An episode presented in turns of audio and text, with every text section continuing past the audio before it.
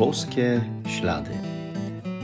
To jest podcast o poszukiwaniu znaków obecności Boga w naszym życiu, o słuchaniu Jego słowa i o trosce o własne zbawienie. Zapraszam.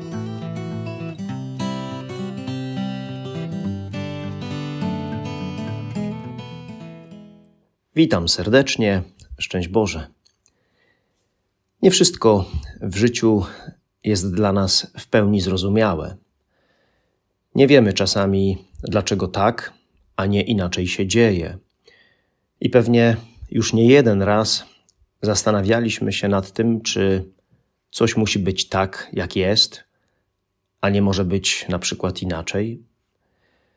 Ten brak wiedzy, rozumienia siebie czy innych, tego, co się dzieje wokół nas, czy też na świecie, budzi czasami w nas niepewność, jakiś lęk, obawy o teraz, o przyszłość. Pojawiają się też w życiu rzeczy, sytuacje, które są wielkim zaskoczeniem. Nie zawsze umiemy się w tym odnaleźć. I to też może powodować, że czujemy się jakoś mniej pewnie. Jak tu planować, decydować, wybierać? Posłuchajmy słów Ewangelii według świętego Mateusza.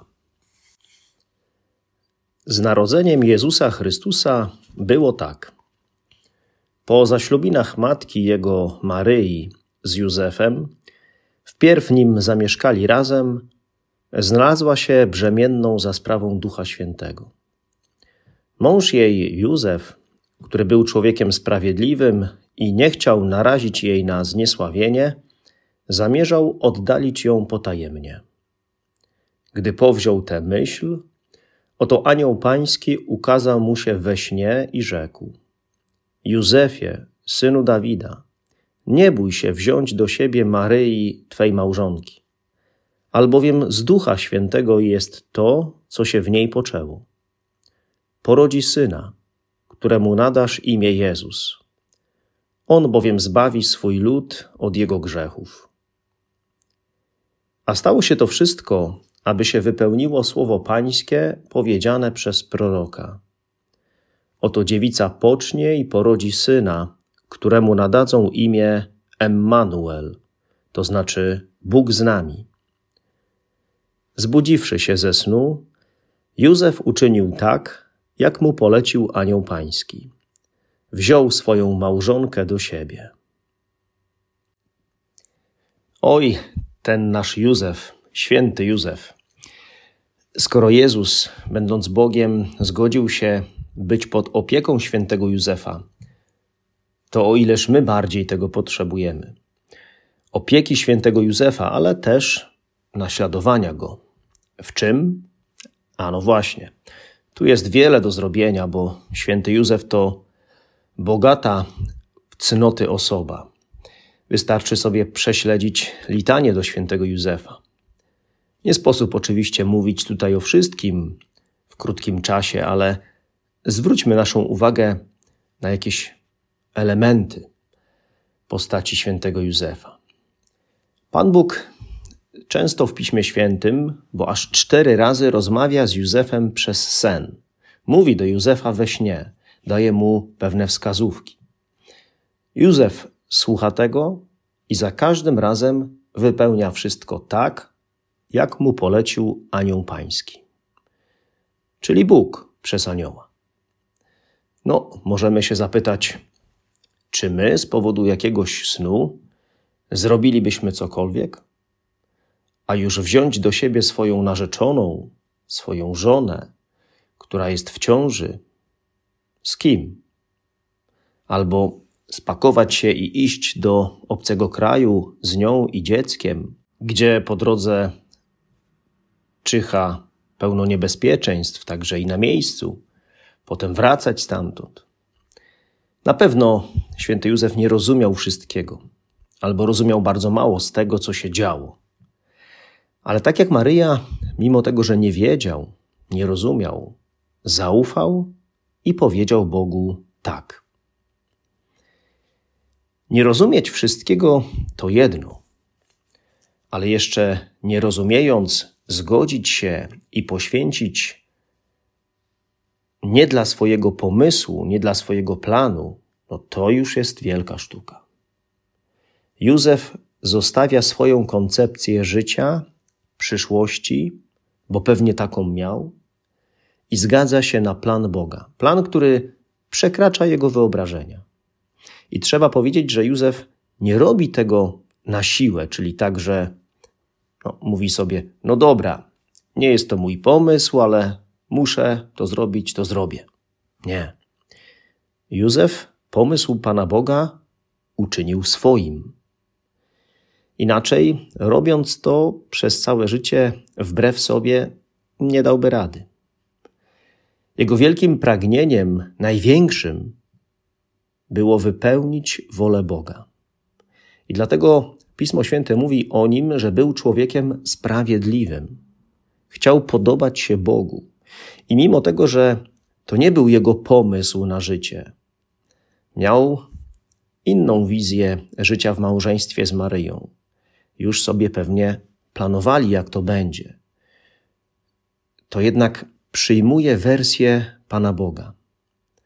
Wersję, której do końca nie rozumie.